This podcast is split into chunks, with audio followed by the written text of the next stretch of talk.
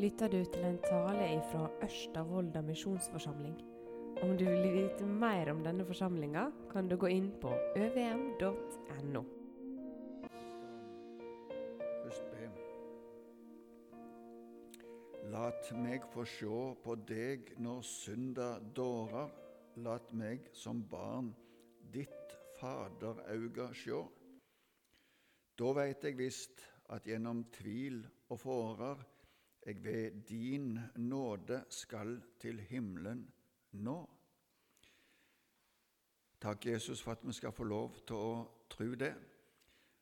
At uh, gjennom det du gjorde, så skal vi få nå fram og være sammen med deg i himmelen for alltid. Du ser hva jeg trenger for å stå her framme. Du ser hva hver enkelt som er samla i salen, trenger i dag. Vi ber om at du må komme nær, du må tale til oss og vise oss litt av det som vi nettopp sang her. Velsign stunder for oss for ditt navns skyld. Amen.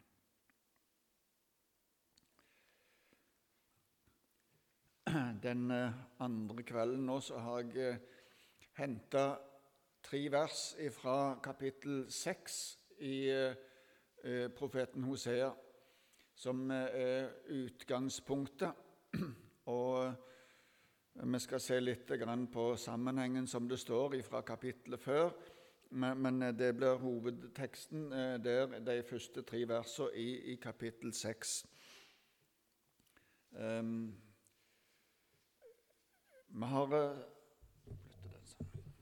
vi har sett litt på, på historien til til Hosea og familien og sånn eh, i går.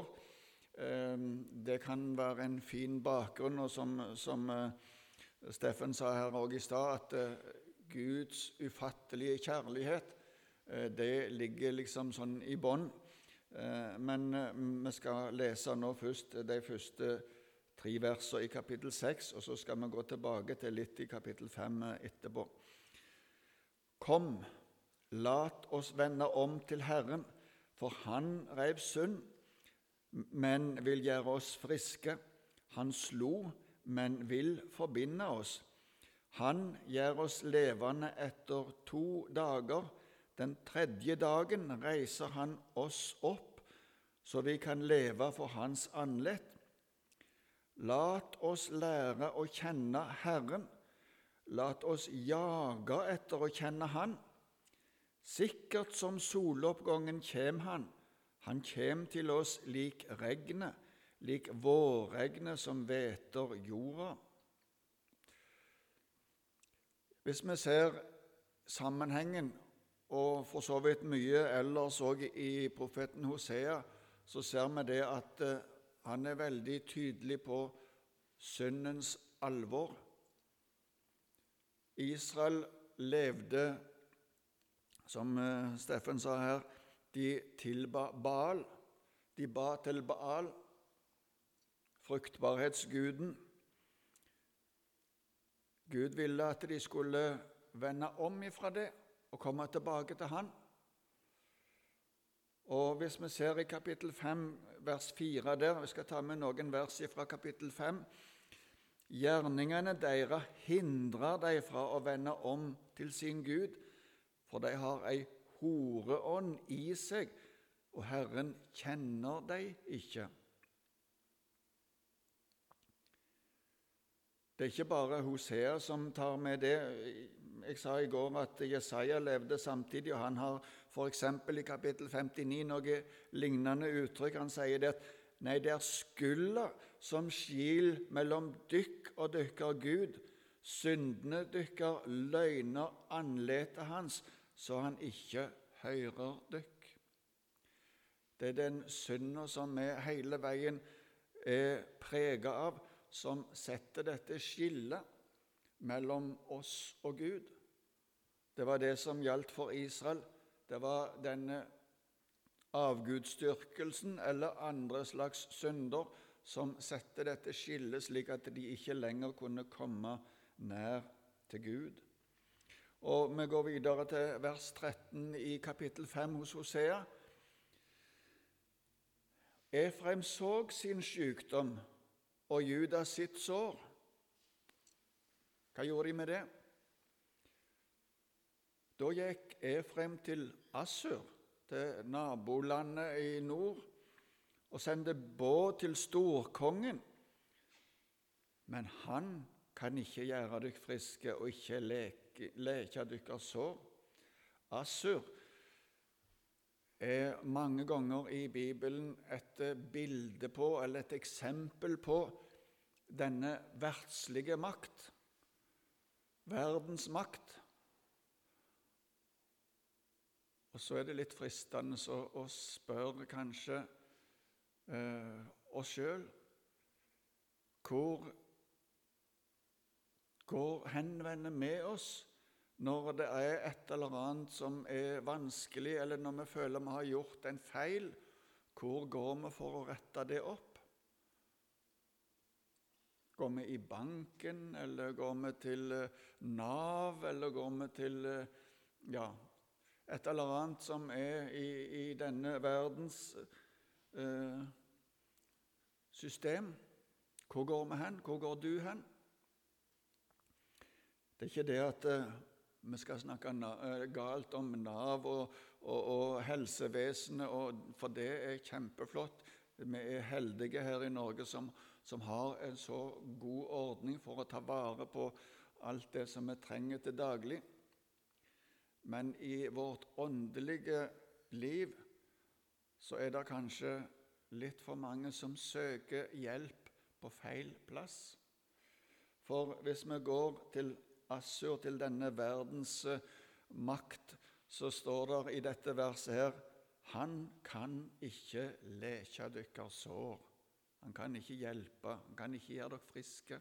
Han kan ikke ordne opp i det tomrommet som mange har.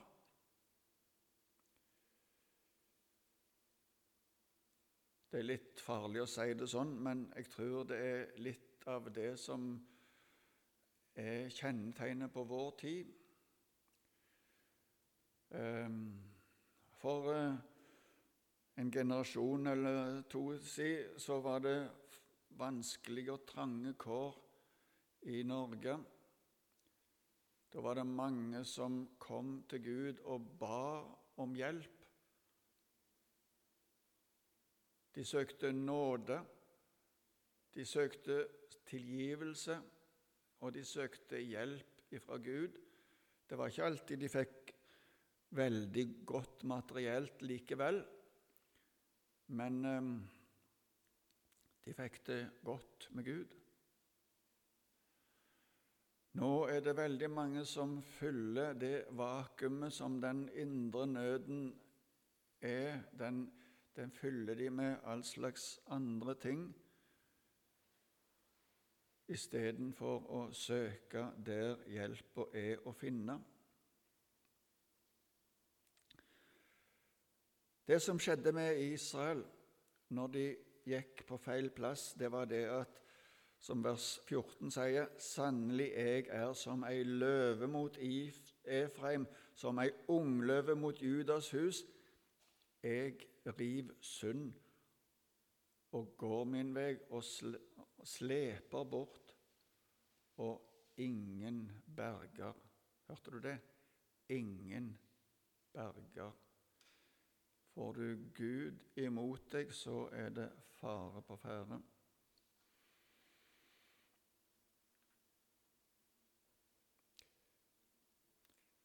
vers 15. Jeg vil vende attende til min stad og til, de, til dess de erkjenner sin skyld og søker mitt andlet. I sin nau skal de leite etter meg. Ehm, jeg sa litt i går om, om eh, det profetiske perspektivet. Det er sånn at en ser liksom i mange det ser ut som ett fjell, som jeg sa. Det, det ser ut som et, et fjellandskap, men så er det egentlig lange avstander imellom disse toppene som ser ut som det samme. Men eh, likevel så, så, er det en eh, En kan se gjerne forskjellige ting. Og, og her kan vi se den første eh, fasen at Israel de eh, ble bortført til Asyria. Og noen til Juda, til Babel.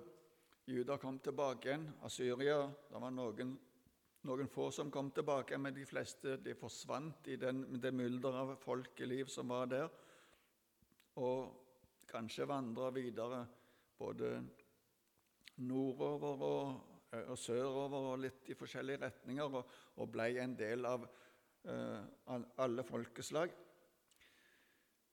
Så kan vi se videre, kanskje fram til Israel som, som uh, sa nei til Jesus, som ble spredt ut blant alle folkeslag.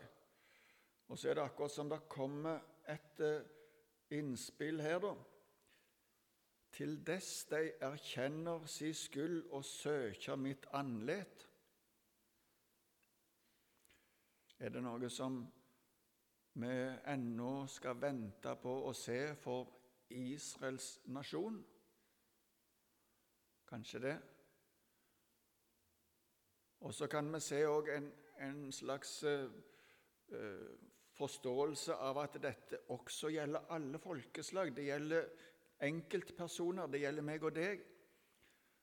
Og vi får en, en dom, så står det, uh, som vi har vært inne på, at eh, Gud, han vil nok kanskje gi oss en, en, en prøvelse. Det, det, ser vi mange ganger gjennom profetene. At, det, at det, Amos, f.eks., som levde på samme tid som, som Hosea, der står det at han, han sendte den ene prøvelsen etter den andre, men de vendte ikke om. Og Så sendte han en ny prøvelse, og så vendte de ikke om.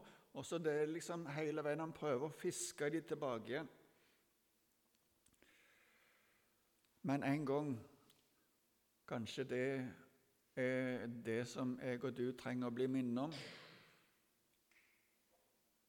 I Sinau skal de leite etter meg, sier Herren. La oss være der at vi leiter etter Han. Så vi kommer nå tilbake til den teksten som, vi, som jeg sa som var hovedtema. Kom, la oss vende om til Herren. Altså Kanskje det er fortsettelsen på, på dette. I Sinau skal de vende, altså Israel kanskje, kanskje jeg og du, vende om til Herren og si til hverandre Kom, la oss vende om til Herren. For han rev synd, men han vil gjøre oss friske. Han slo, ja, men han vil forbinde oss. Det har med Guds oppdragelse på en måte. Vi har ofte en forestilling om at uh, Alt det vonde kommer fra djevelen, og fra Gud kommer det bare de gode tinga. Men det er ikke helt slik Bibelen taler. For Bibelen sier òg at det kommer vanskelige ting av og til inn i, i våre liv med en hensikt å få oss tilbake til seg. På bønnemøtet før møtet her så ble det uh, nevnt om denne bortkomne sønnen. Han eh, havna i uføre, for å si det sånn, helt til han innså det at han hadde det jo så mye bedre der han hadde reist ifra faren. Kanskje det òg var på en måte å vri det slik at han begynte å tenke på at det var jo mye bedre å være hos sin far denne vanskeligheten som han opplevde. Du kjenner sikkert historien, selv om ikke du var på, på bønnemøte her før møtet, så, så er det en kjent eh, fortelling. Men eh, ting som vi møter på Kanskje vi har dummet oss ut og, og gjort eh, store feilsteg, men så kommer det inn i tanken kanskje en lyst til å vende tilbake. Og han vil forbinde, står det. Så prøvingene er ofte et kall ifra Gud. Men så er spørsmålet hva er da resultatet av dette kallet? Hva gjør vi med det som Gud kaller på oss? Hva gjør du med det? For eh, et kall Det blir som en krise. Hva er en krise for noe? En krise det er en, som en topp. sånn. Enten så går det framover, det blir en bedring, eller det blir en forverring. Hva skjer med krisen når du har det fryktelig vanskelig? Med kaller det er et valg. En, hvor blir retningen videre?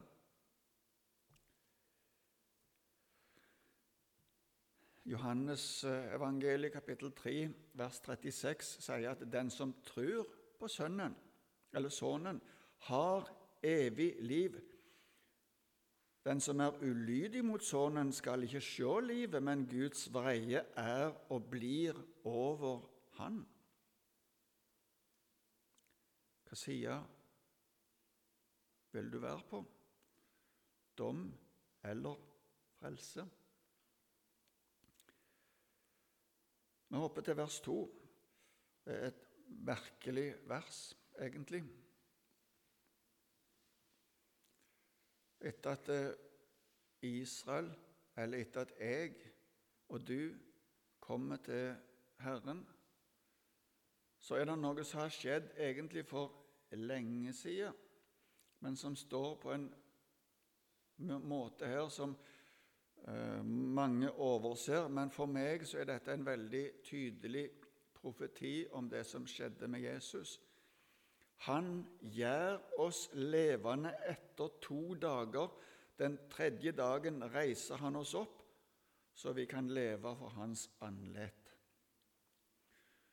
Du kjenner kanskje til fra Matteusevangeliet og mange andre plasser at Jesus han fortalte disiplene sine at han skulle gå til Jerusalem, og der skal de slå han i hjel. Og den tredje dagen så skal han reises opp igjen tredje dagen. Han skulle være to dager i grava, og den tredje dagen så skulle han stå opp igjen. Det står mange plasser, men nå har jeg henta det fram fra Matteus 17, 17, vers 23. Og, og det, er, det var det som skjedde med Jesus. Han døde, var i grava, sto opp igjen tredje dagen. Det kjenner vi jo godt fra bibelhistorien og fra troslære og mange plasser. Paulus skriver til menigheten i Kolosse De, altså dere kristne, var døde på grunn av misgjerningene og det uomskårne kjøttet deres. Men Han gjorde dykk levende sammen med Kristus da han tilgav oss våre misgjerninger. Sammen med Kristus. Kristus døde på korset for mine og dine synder. Han for ned i grava som et resultat av døden. Men sammen med han så var jeg og du. Og sammen med Han så står det jo veldig tydelig i det verset som står her øverst med, med, med rødt her Han gir oss levende. Ser du det? Han gir oss levende etter to dager. Paulus han skrev men han gjorde dykk levende sammen med Kristus da han tilgav oss våre misgjerninger.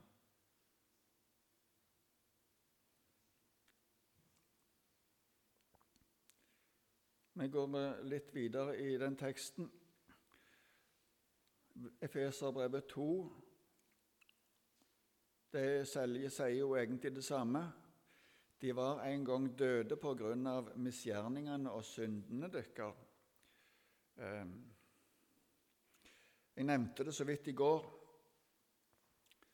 Ehm, vi har av og til, eller Det blir av og til sagt at fortapelsen eh, det er noe som vil komme en gang for de som er ulydige. Men for, for, meg så er det litt annerledes. Jeg forstår det på en litt annen måte. fordi at i utgangspunktet så ble mennesket skapt for å være sammen med Gud alltid. Så der, kom det inn noe der. Synda kom inn. Og med synda så kom det en forbannelse. Og denne forbannelsen ble kalt 'den dagen du gjør det, så skal du dø'. Døden og fortapelsen kom der. Så er det klart at denne fortapelsen er jo, kan vi si, i, i flere etapper på en måte. Men hele menneskeslekta er egentlig fortapt. Vi er alle mennesker døde på grunn av misgjerningene og syndene som vi har. Men så er det det som er, skjedde med Jesus når han sto opp igjen fra de døde. Men Gud er rik på miskunn fordi han elsker oss med så stor kjærleik, det som vi hørte om i går òg, gjorde han oss levende sammen med Kristus. Gjorde oss levende sammen med Kristus, vi som var døde av, på grunn av misgjerningene våre. Av nåde er de frelste. Ikke fordi at du har klart å forbedre livet ditt, men av nåde. Jeg skal ta med en liten fortelling fra Peru. Det var en, en mann som kom og bankte på døra på kontoret vårt i, i Arequipa i Peru en, en gang. Og tilfeldigvis så var det jeg som var der og lukket opp. Han så eh, litt sånn, ja, skal vi si, sliten ut på mange måter. Skitten og Ja. så han sa det at eh, han trodde det at dette var en plass som, eh, som de snakket om, om, Gud. Om jeg kunne fortelle han litt om hvordan han kunne, uh, kunne få kontakt med Gud. Tok han inn på et, et rom som vi hadde der nede i, ved siden av inngangen. Det er et sånn lite samtalerom. Han hadde vært med i forferdelig mye forskjellig ja, var forfulgt av politiet, sa han. Og, og, han gjorde jo selvfølgelig ting som han ikke skulle gjøre. Han tok jo både penger og andre ting fra folk som gjorde at eh, han fikk jo politiet på nakken da. og eh, Hadde vært i fengsel mange ganger, og, men eh, han eh, lurte på om det gikk an for han å få tilgivelse. Ja, hva skulle jeg si til han? Først må du forbedre livet ditt og få stell på livet ditt, og så kan du kanskje komme igjen og få orden på, på det gudsforholdet. Nåden setter ikke betingelser. Så vi satt der og snakket og fortalte om, om, Jesus, og jeg var sikkert inne på det som jeg nevnte så vidt med den bortkomne sønnen, og, og, litt forskjellige fortellinger fra Bibelen, og, og han bare tok imot. Det var, det var som han slukte alt jeg sa. Var så ivrig. Og, og jeg spurte om jeg skulle be om at om han kunne få hjelp av Jesus i, i livet sitt, og sånn, og det var, sa han ja til. og og vi ba, og han, det var sånn at tårene rant på han, og han var så glad for at han kunne gi livet sitt til Jesus. Jeg spurte hvor han bodde hen, og sånn. Nei, han bodde på et, eh, en uh, liten sånn kjeller der, som, uh, men jeg kunne være med, og, og, kunne være med så han kunne vise meg det. Han hadde en liten bærepose med, med to-tre ting i, og så hadde han ei, ei, ei stor pappeske som han hadde revet sunt, som han brukte som madrass. Det var alt han hadde.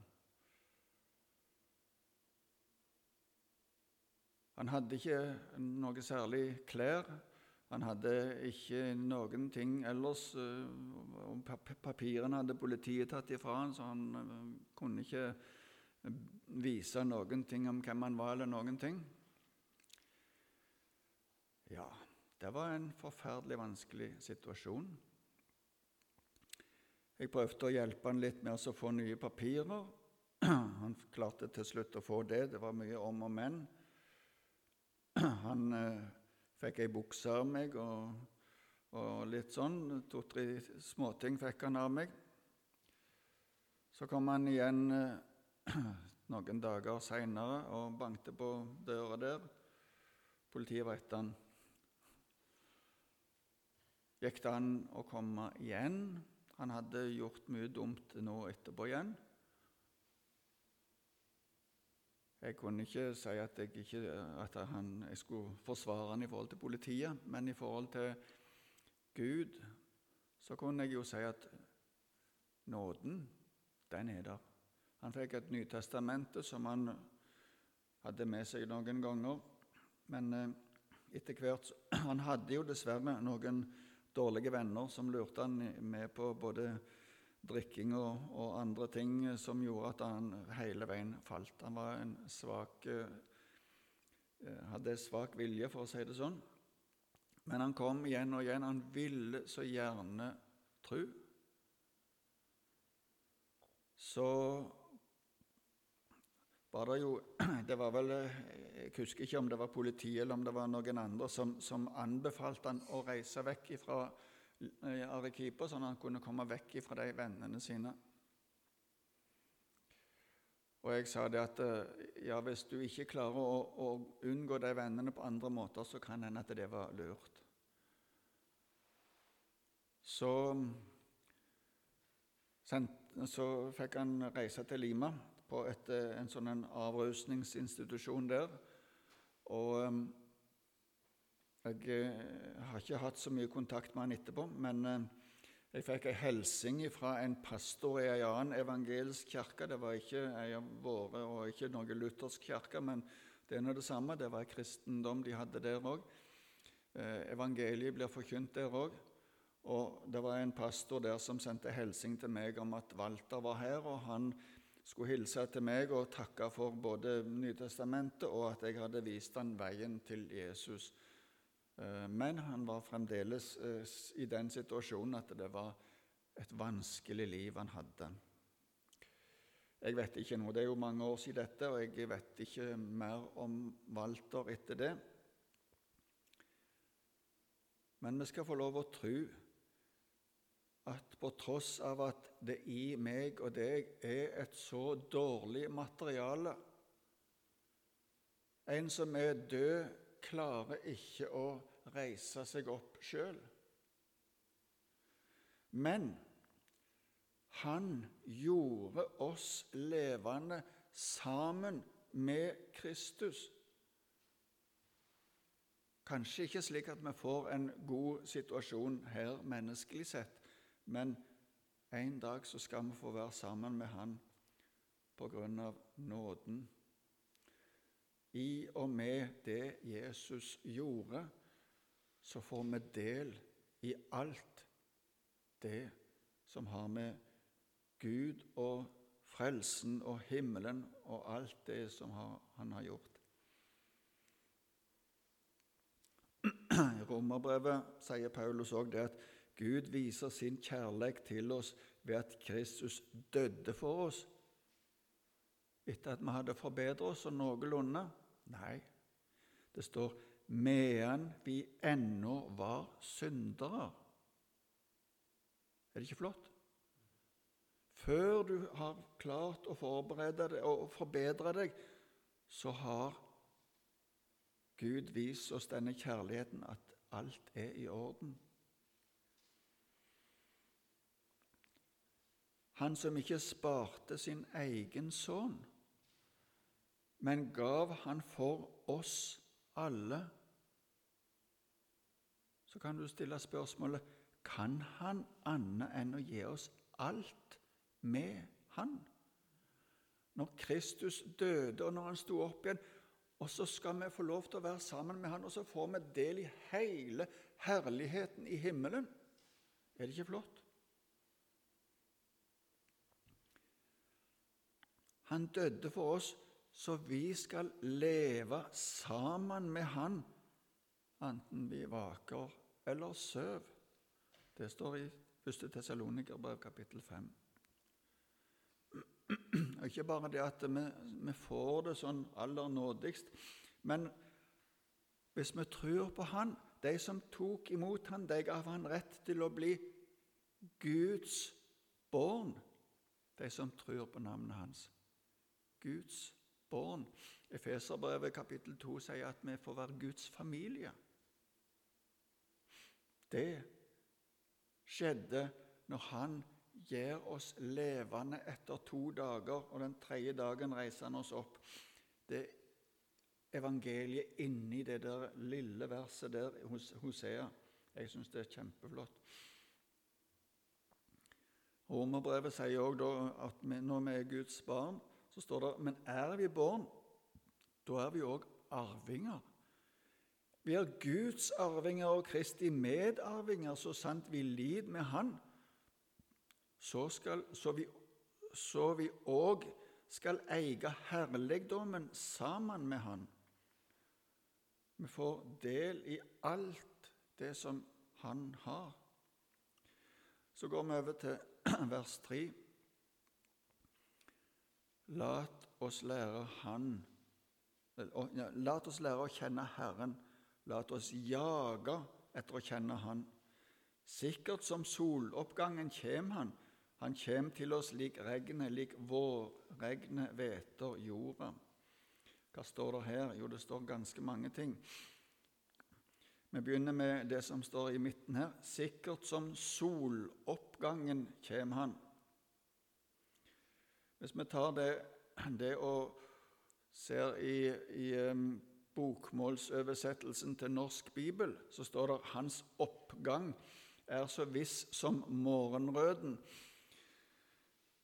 Eh, det er litt forskjellige oversettelser. Jeg har slått opp i mange forskjellige bibler og sett at det der som står at uh, han kommer, eller han kommer, og så står det om sol og opp, eller morgenrøde, det er jo soloppgang. Og så er det litt om rekkefølgen på dette. Det, er, det, kan være litt forskjellige måter å oversette det på, men en kan på en måte så kan en tenke at hans oppgang det er òg når han fer opp til himmelen.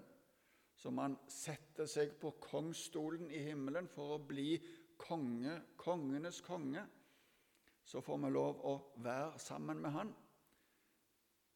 Og en dag så skal han komme igjen. Det står det òg litt i fortsettelsen. Så kommer han. Det er like sikkert som at hver dag så står sola opp i, mens vi er fremdeles i denne tilstanden på jorda, så er det sånn som skjer. Altså Det kan være både himmelfart og det kan være Jesu gjenkomst, som står i den lille setningen der, eller kanskje begge deler til og med.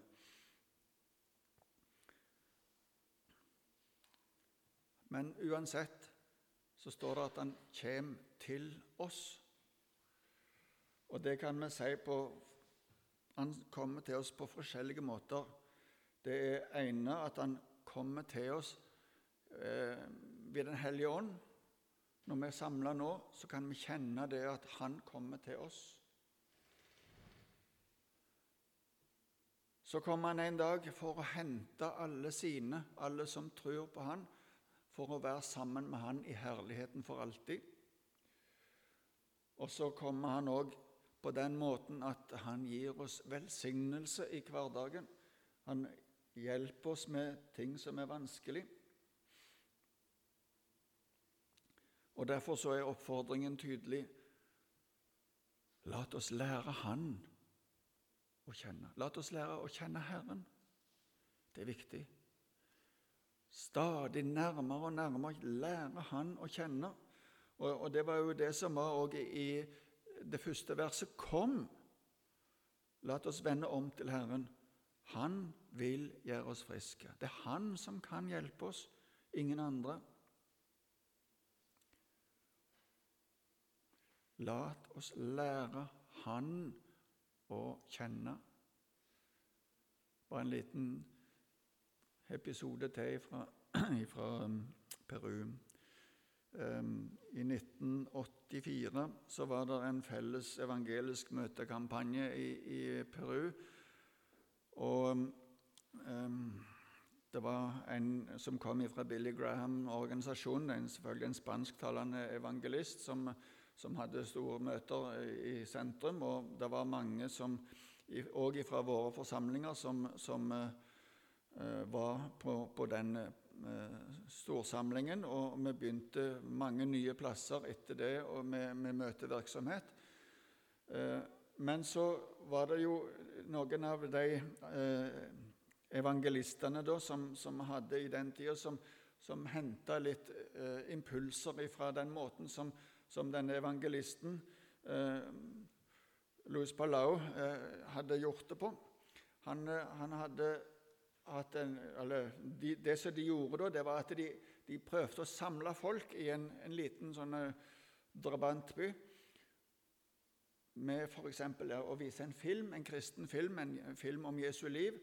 Og så hadde de en liten appell, og så inviterte de til eh, ja, fem kvelder, eller cinco noches con la Biblia, som, som, de sa på spansk. Fem kvelder med Bibelen.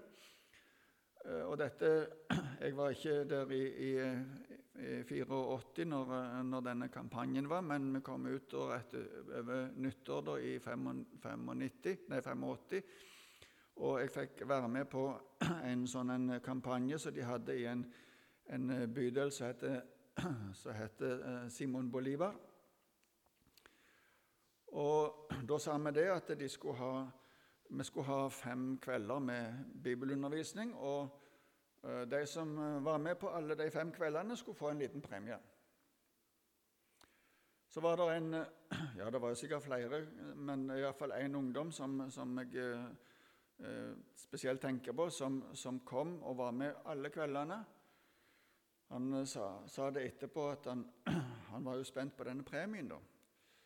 For han, eh, han, ville jo gjerne få den premien. Det, det, var liksom sånn som drog. Så fikk han en bibel. Og så sa han ja, han hadde jo vært på fem kvelder, men han forsto ingenting. For det var liksom, ja, De snakket masse om ting og sånn, og det var jo jeg som hadde talt der, da, så han hadde ikke forstått noen ting av alt det jeg hadde sagt der. da. Men han fikk denne Bibelen, så tenkte han ja vel, jeg må vel begynne å lese litt i den. da. Og Så kom han på de møtene som vi hadde ca. en gang i uka.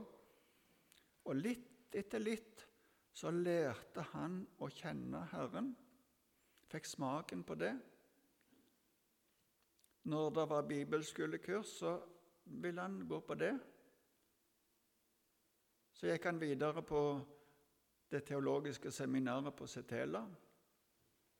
Nå er han rektor på det teologiske seminaret i Arequipa.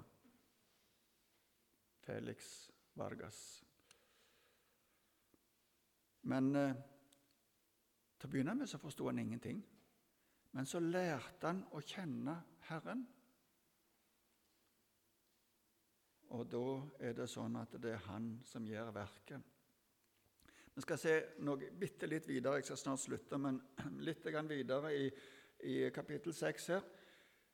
For det står i vers 4.: Hva skal jeg gjøre med deg, Efraim? Hva skal jeg gjøre med deg, Juda? Kjærleiken dykker er som ei morgensky, lik dogg som tidlig blir borte.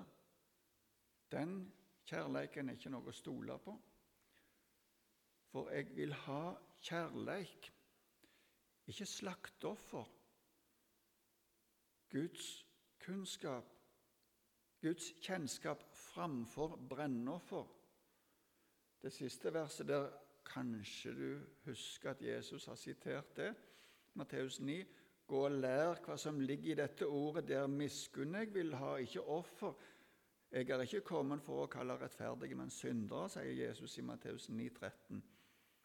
Det er ikke det som vi klarer å prestere eller gi, som teller, men det at vi vil han har behov for denne kontakten med Herren. Det er det som er viktig. Han er den som skal gjøre alt, ikke vi.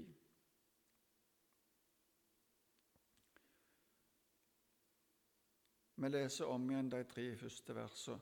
Kom, lat oss vende om til Herren, for Han reiv sund, men Han vil gjøre oss friske. Han slo, men, han, men vil forbinde oss. Han gjør oss levende etter to dager. Den tredje dagen vil han reise, reise han oss opp, så vi kan leve for Hans andlet. Lat oss lære å kjenne Herren. Lat oss jage etter å kjenne Han. Sikkert som soloppgangen kjem Han. Han kjem til oss lik regnet, lik vårregnet som hveter jorda. Jeg har en venn som har gitt sitt liv for at jeg skal få leve. Det finnes intet alternativ. Det nytter ikke å streve, fordi jeg lever så milevidt ifra Guds vilje med livet mitt, fikk jeg dommen. Du skal dømmes til døden. Men jeg hopper over vers 2. Jesus tok på seg dommen. Tenk, jeg skal ikke dø fordi Jesus døde i stedet. All min dødsangst er nå forbi, den er byttet med glede. Ja, Jesus, hjelp meg å klart forstå at det livet jeg lever nå, det er ditt liv alene. Det er deg jeg skal tjene. Takk for det, Jesus. Takk for det du gjorde. Takk for at vi skal få lov å tjene deg.